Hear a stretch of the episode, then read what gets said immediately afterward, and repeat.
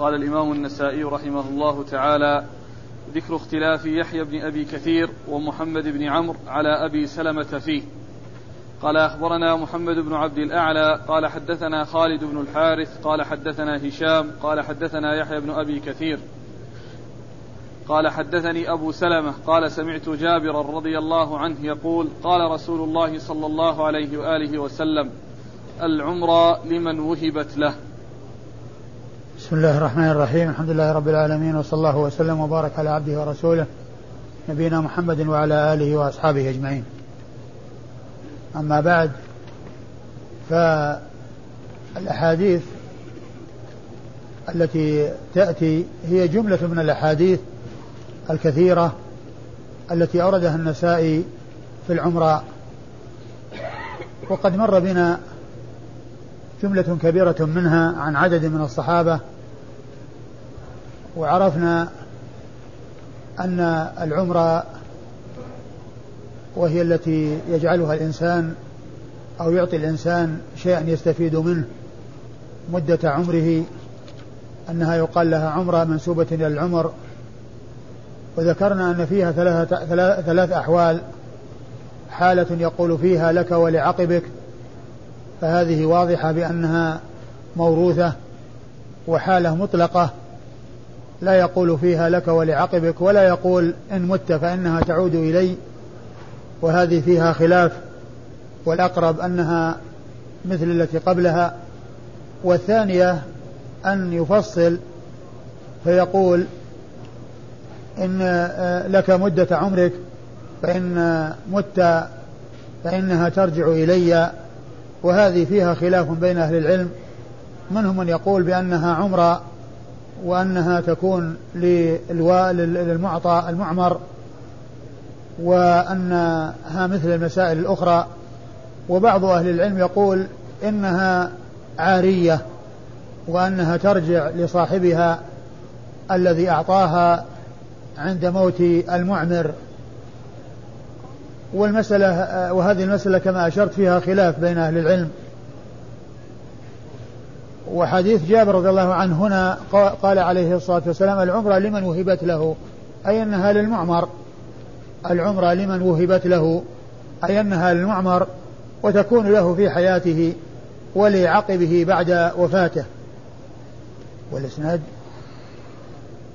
قال أخبرنا محمد بن عبد الأعلى. أخبرنا محمد بن عبد الأعلى وهو ثقة أخرج حديثه مسلم وأبو داود في القدر والترمذي والنسائي وابن ماجه.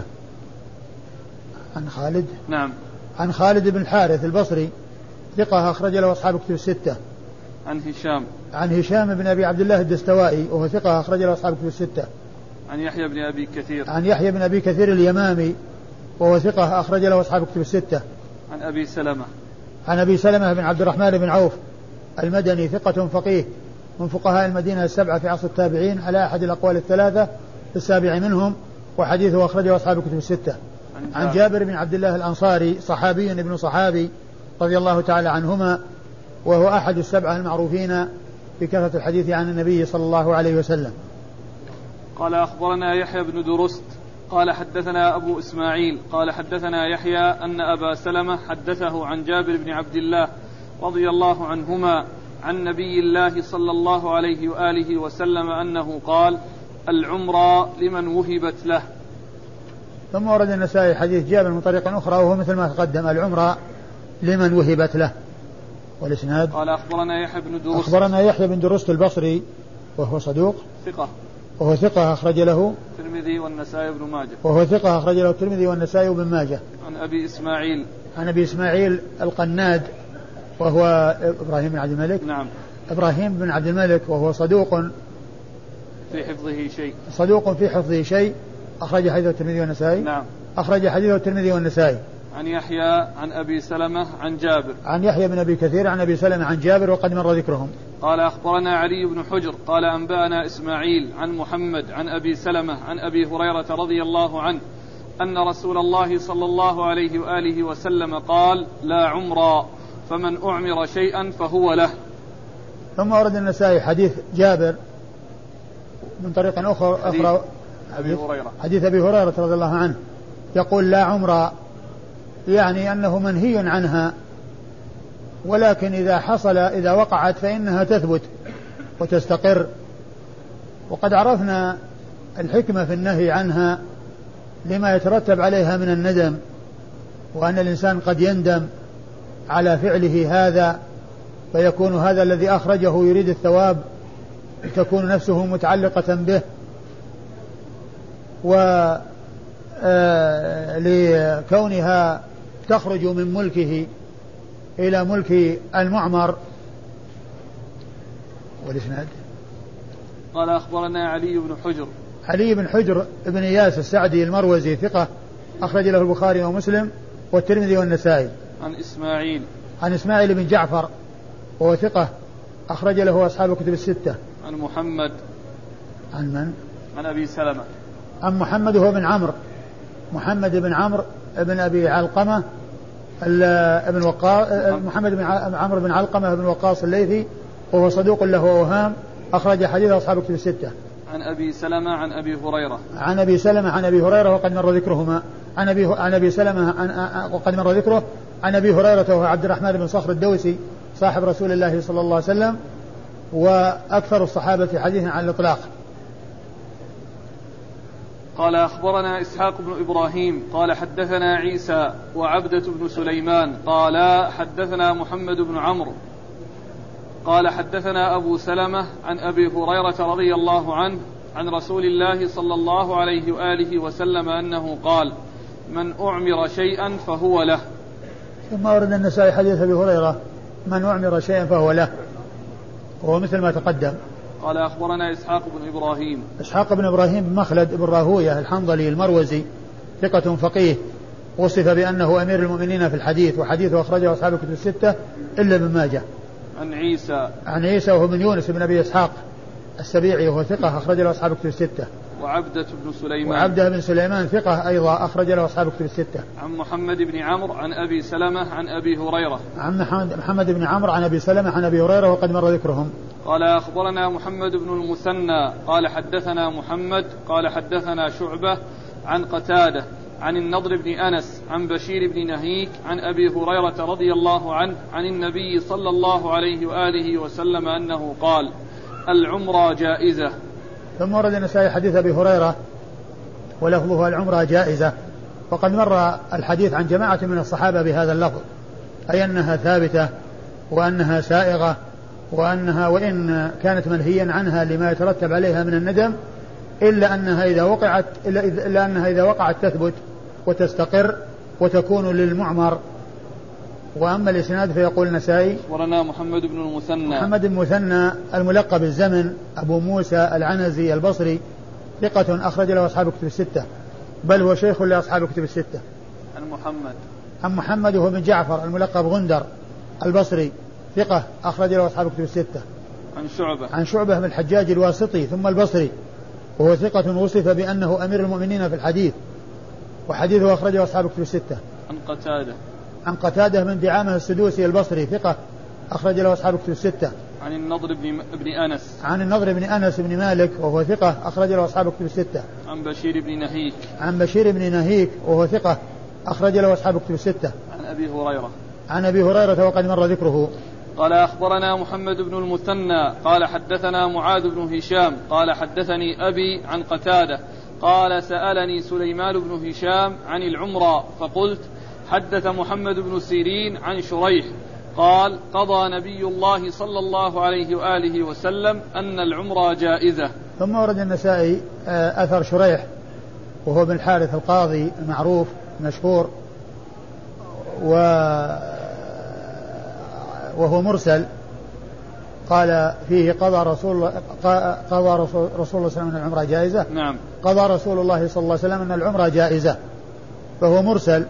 لكن الأحاديث الكثيرة التي مرت دالة على ثبوته. نعم.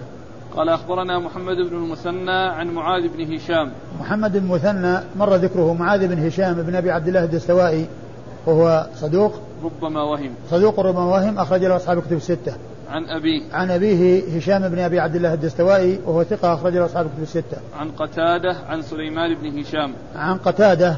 لا.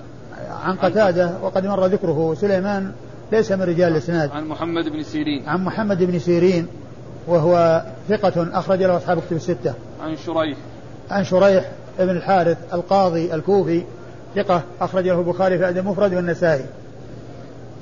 قال قال قتادة قلت حدثني محمد بن النضر بن أنس. هنا ذكر محمد وليس في رجال التقريب من اسمه محمد.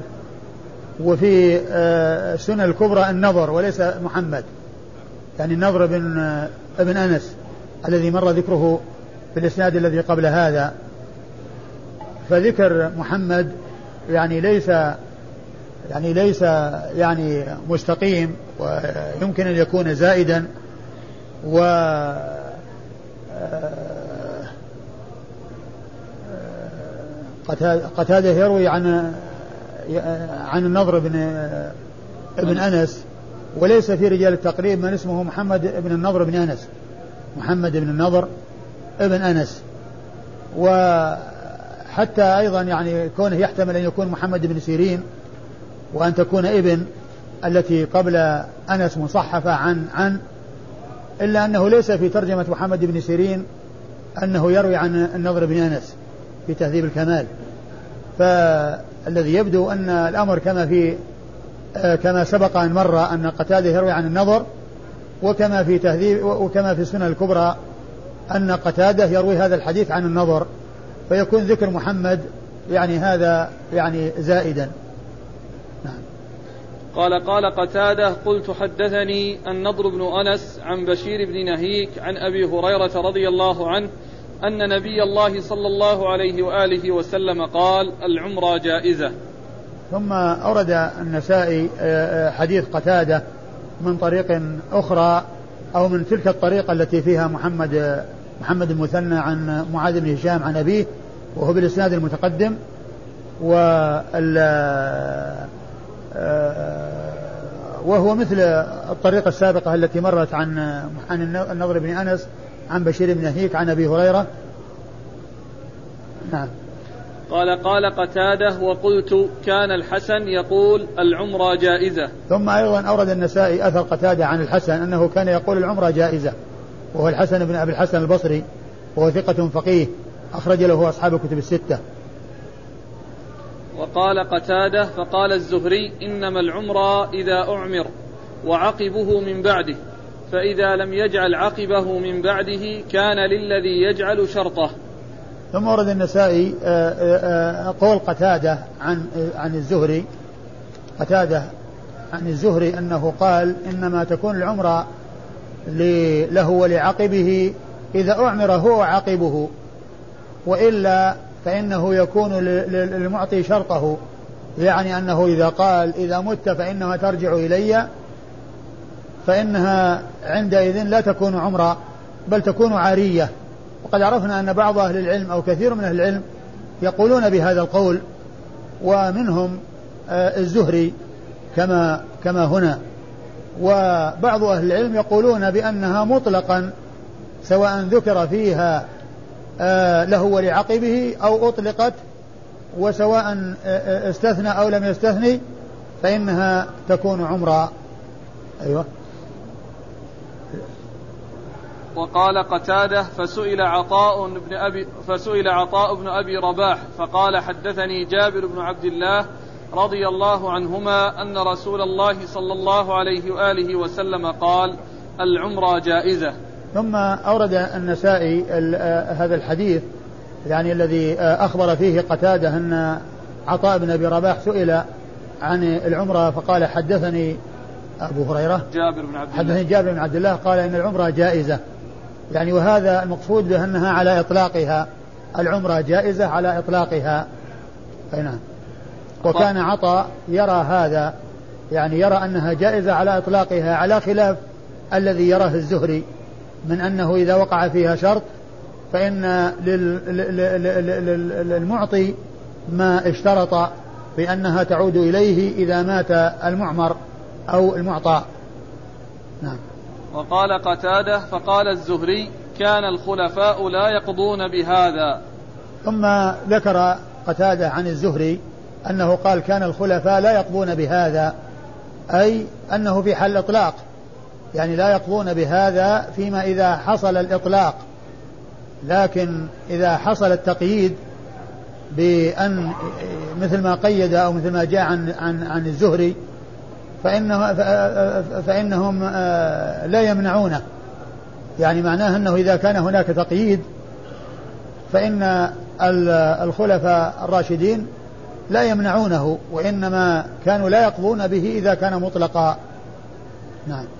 وقال وقال عطاء قضى بهذا عبد الملك بن مروان. ثم قال عطاء قال قضى بهذا عبد الملك بن مروان يعني مطلقا. يعني قضى به مع الإطلاق. قضى به مع الإطلاق.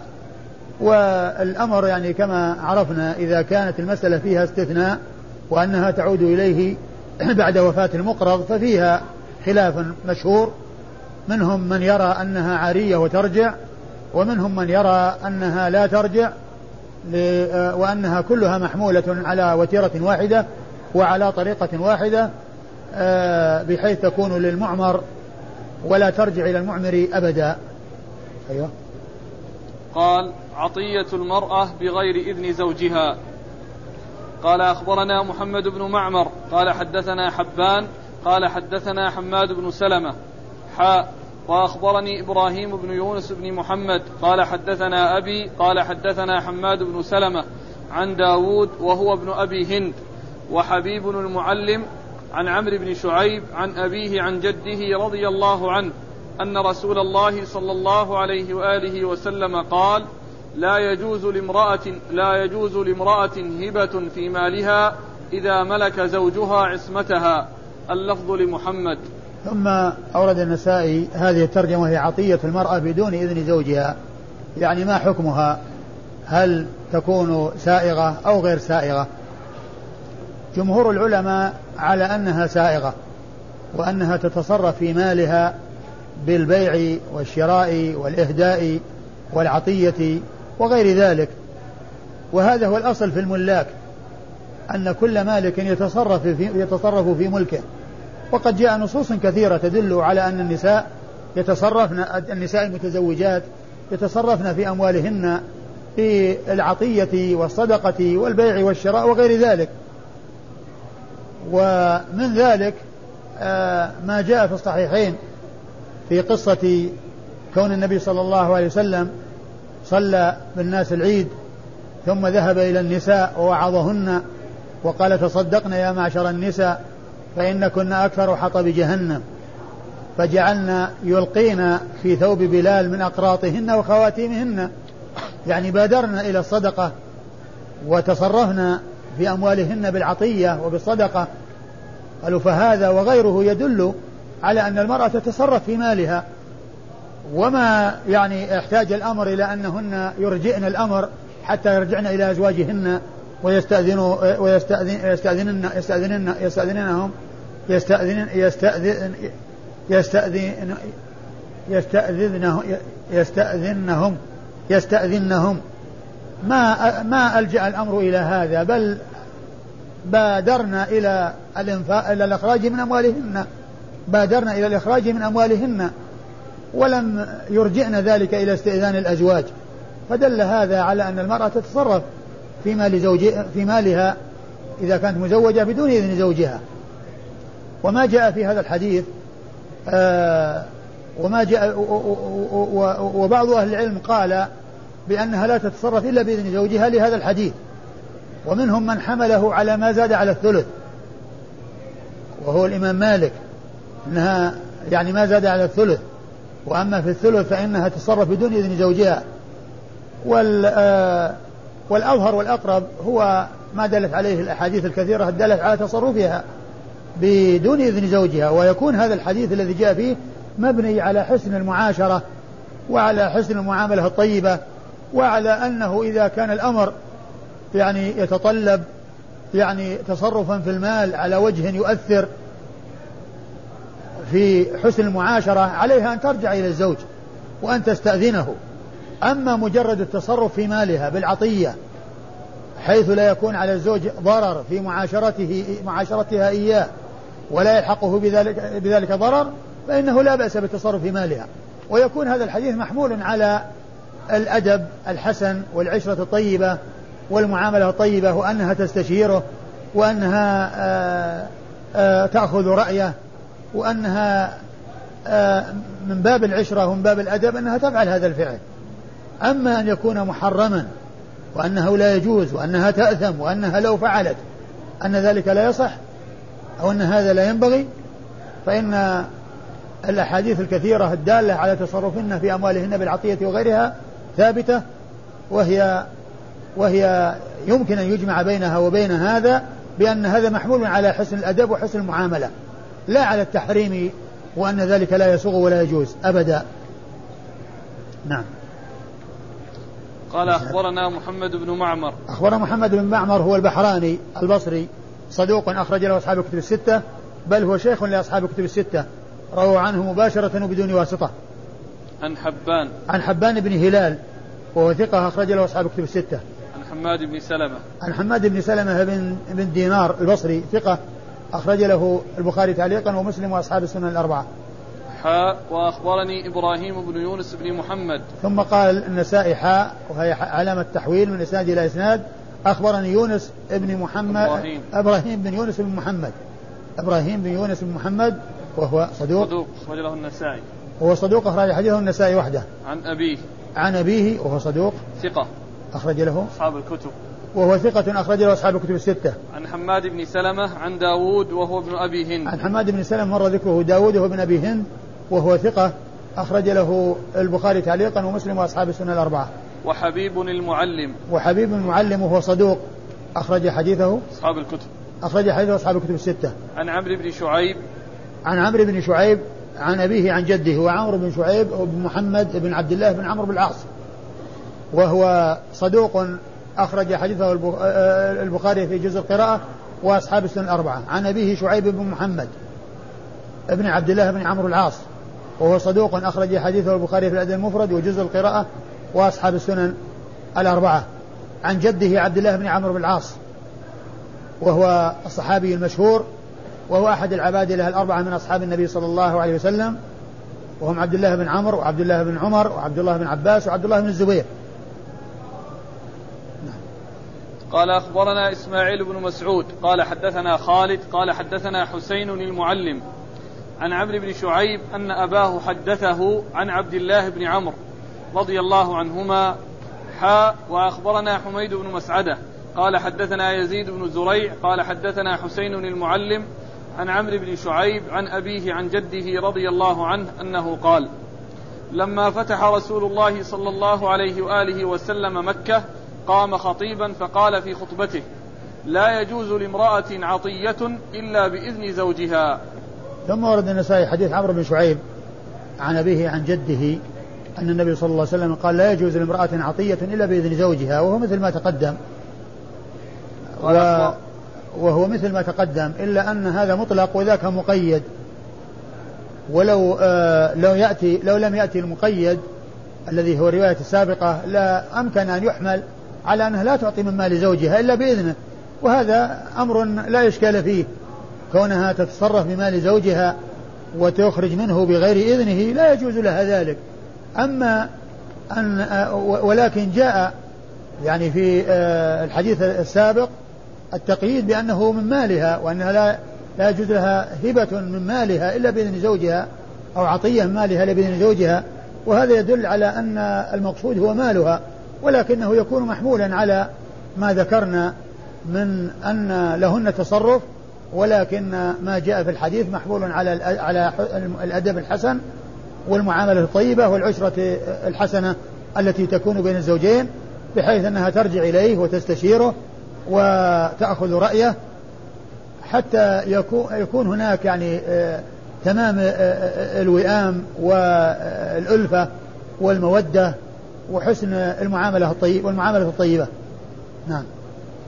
قال أخبرنا إسماعيل بن مسعود. أخبرنا إسماعيل بن مسعود أبو مسعود البصري ثقة أخرج حديثه النسائي وحده.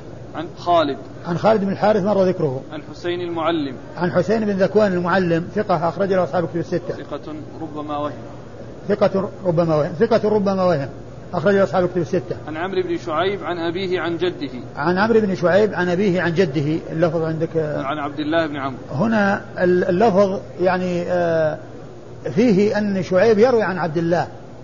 يعني ففيه بيان الجد من هو وأنه جد شعيب وليس أبو شعيب الذي هو جد عمرو الذي هو محمد. لأنه لو كان محمد يكون مرسل لأن محمد ما أدرك النبي صلى الله عليه وسلم فيكون من قبيل المرسل. لكن شعيب روى عن جده عبد الله بن عمرو الصحابي وقد قال الحافظ بن حجر في التقريب ثبت سماعه من جده عبد الله. وهنا يعني فيه فيه يعني فيه البيان أن الجد الذي يروي عن شعيب هو جده هو وليس جد عمرو وجد شعيب هو عبد الله بن عمرو. فيكون الإسناد متصلا فيكون الإسناد متصلا ليس فيه إرسال. إذا كان الجد هو شعيب الذي الجد محمد الذي هو جد عمرو وأبو شعيب. لكن آه عمر آه عبد الله بن عمرو يروي عن أبيه شعيب وأبوه شعيب يروي عن جده عبد الله بن عمرو بن العاص. فهذا آه. فيه بيان الجد يعني هذه الرواية. ولهذا أتى بحاء التحويل. أتى بحاء التحويل لأن أحد الطريقين فيه بيان الجد وأنه عبد الله بن عمر والثانية فيها عمرو بن شعيب عن أبيه عن جده. نعم. وأخبرنا حميد بن مسعدة. أخبرنا حميد بن مسعدة وهو صدوق أخرج حديثه مسلم وأصحاب السنة الأربعة. عن يزيد بن زريع عن يزيد بن زريع البصري وهو ثقة أخرج له أصحاب الكتب الستة. عن حسين المعلم عن عمرو بن شعيب عن أبيه عن جده. عن حسين المعلم عن أبيه عن عمرو بن شعيب عن أبيه عن جده. يعني الفرق بين الإسنادين لأن الأول فيه توضيح الجد من هو؟ وأن عمرو يروي عن شعيب وشعيب يروي عن عبد الله بن عمرو.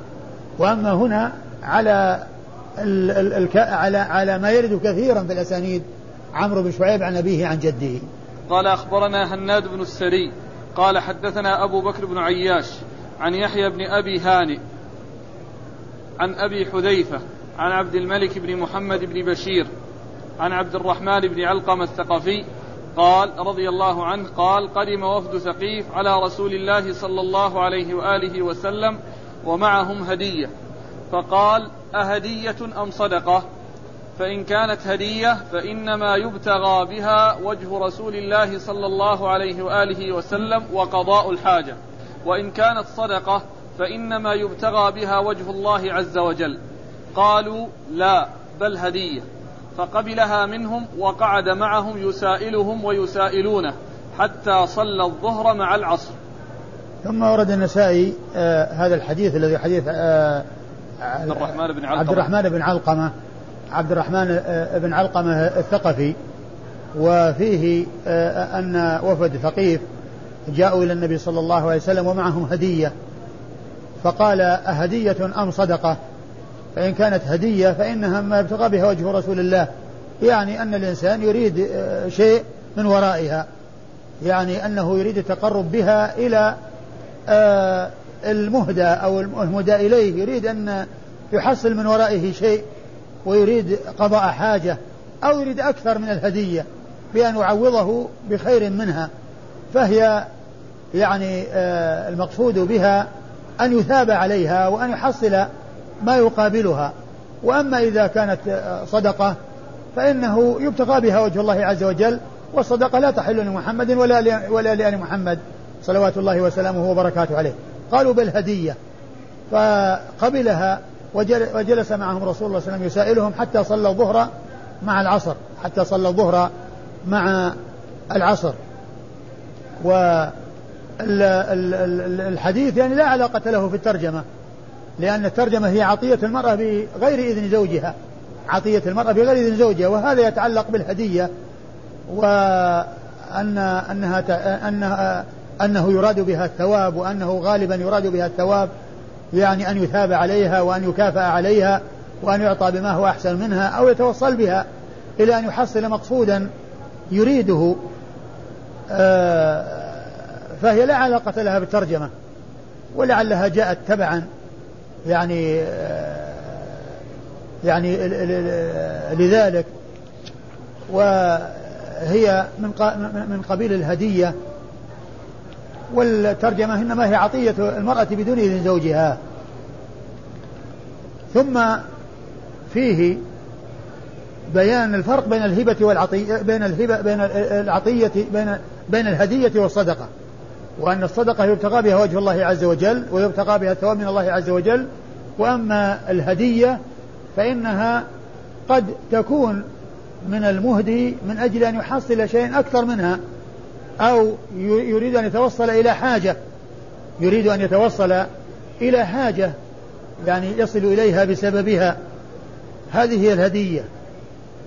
والرسول صلى الله عليه وسلم كان يقبل الهدية ولا يقبل الصدقة. يقبل الهدية ويكافئ عليها ولا يقبل الصدقة لأن الصدقة لا تحل لمحمد ولا لآل محمد صلى الله عليه وسلم. ثم قوله جلس يسائلهم حتى صلى حتى صلى الظهر والعصر حتى حتى صلى الظهر مع العصر. حتى صلى الظهر مع العصر.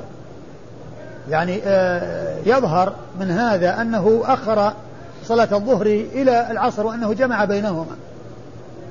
وهذا ليس بواضح لأنه كما هو معلوم كل صلاة تصلى في وقتها.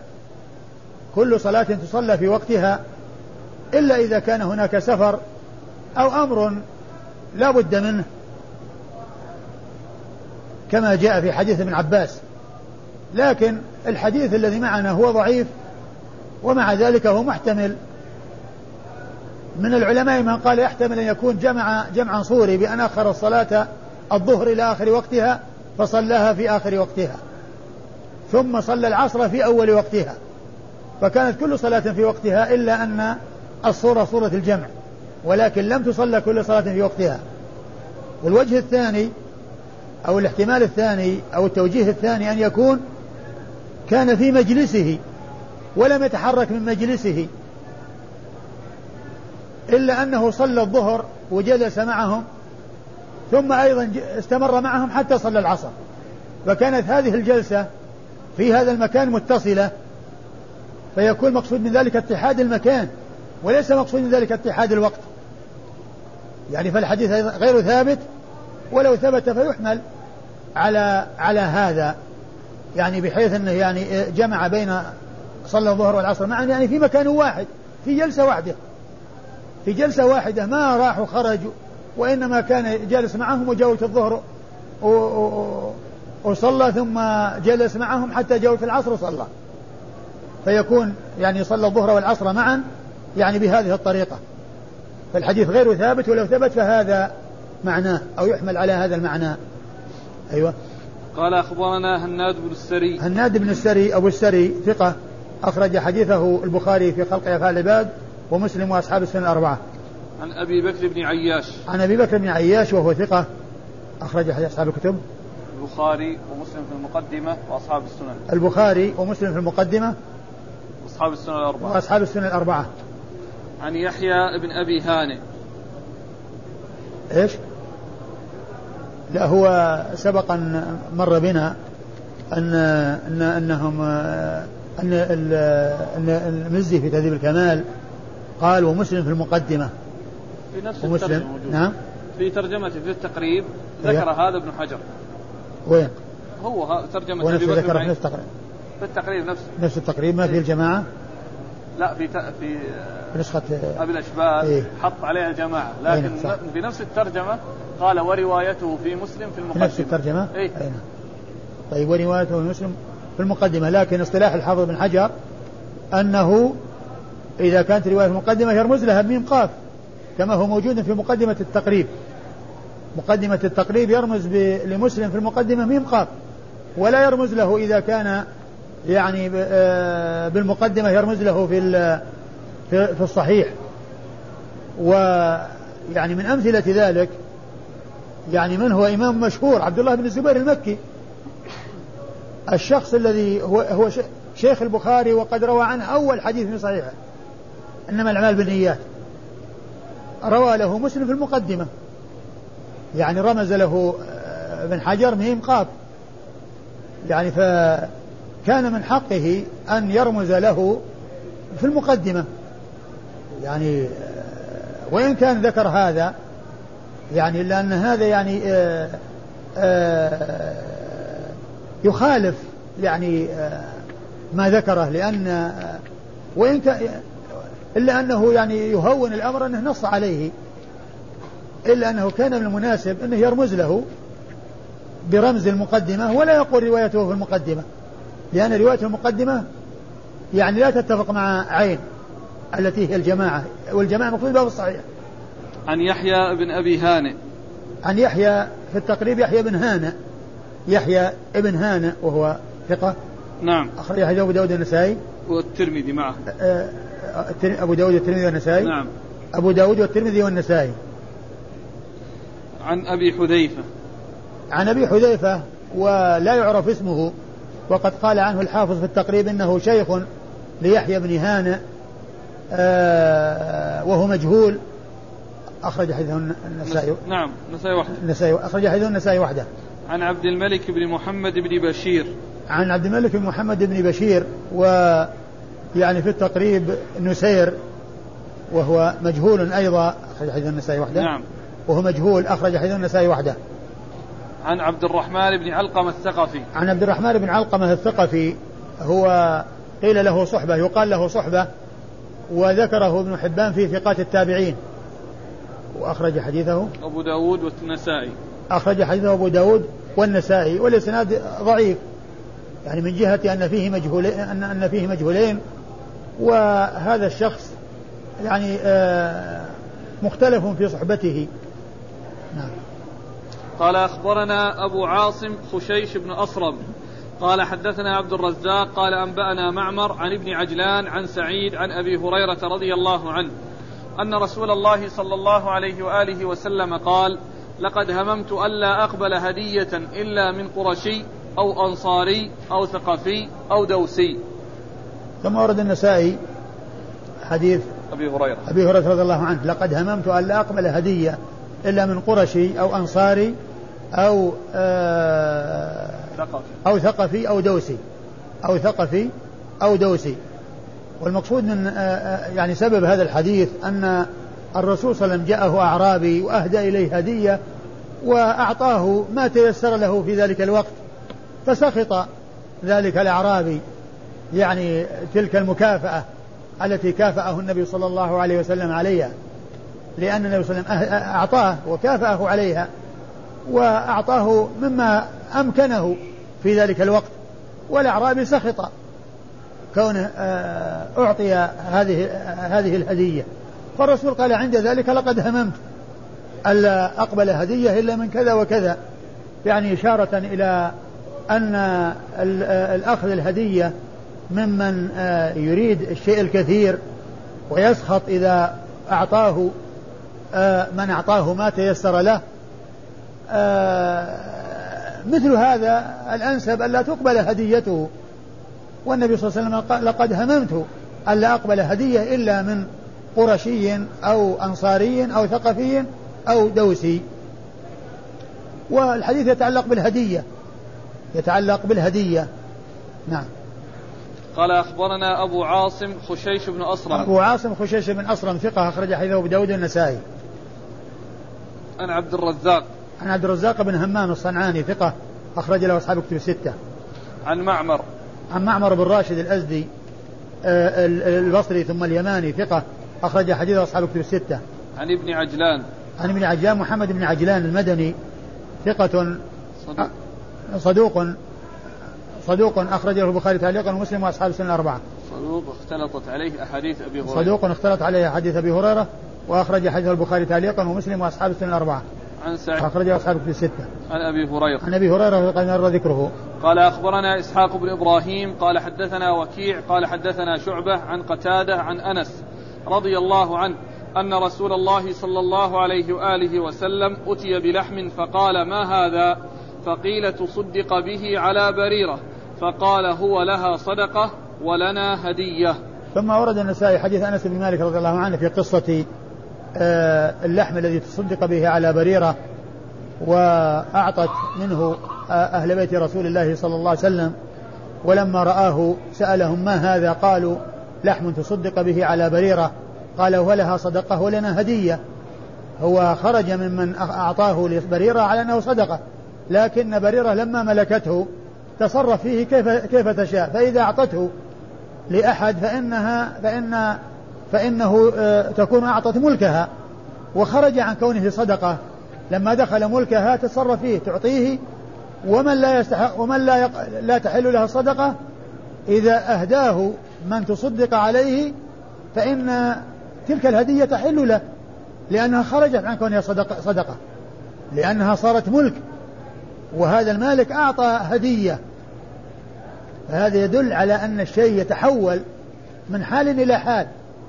والصدقة إذا أعطيت الفقير لا تستمر على أنها صدقة وأنه ليس أحد يأكل منها من الأغنياء ولو أعطاها لغني أو أعطاها لأحد لا تحل له الصدقة فليس له ذلك لا. بل إذا وصلت إلى ملك الفقير تصرف فيها حيث يشاء له أن يبيعها وله أن يعطيها ليهديها لغني وله أن يهديها لأهل لمن لا تحل له الصدقة كأهل بيت النبي صلى الله عليه وسلم. وله أن يتصرف فيها كيف شاء وتخرج عن كونها صدقة. والنسائي أورده من أجل الهدية وما يتعلق بالهدية. نعم. قال أخبرنا إسحاق بن إبراهيم عن وكيع. إسحاق بن إبراهيم مر ذكره وكيع بن الجراح الرؤاسي الكوفي ثقة أخرج له أصحاب كتب الستة. عن شعبة عن قتادة عن أنس. عن شعبة عن قتادة وقد مر ذكره مع عن أنس بن مالك رضي الله عنه صاحب رسول الله صلى الله عليه وسلم وخادمه وخا آه عن عن أنس بن مالك صاحب رسول الله صلى الله عليه وسلم وخادمه وأحد السبعة المعروفين بكثرة الحديث عن النبي صلى الله عليه وسلم والله تعالى أعلم وصلى الله وسلم وبارك على عبده ورسوله نبينا محمد وعلى آله وأصحابه أجمعين.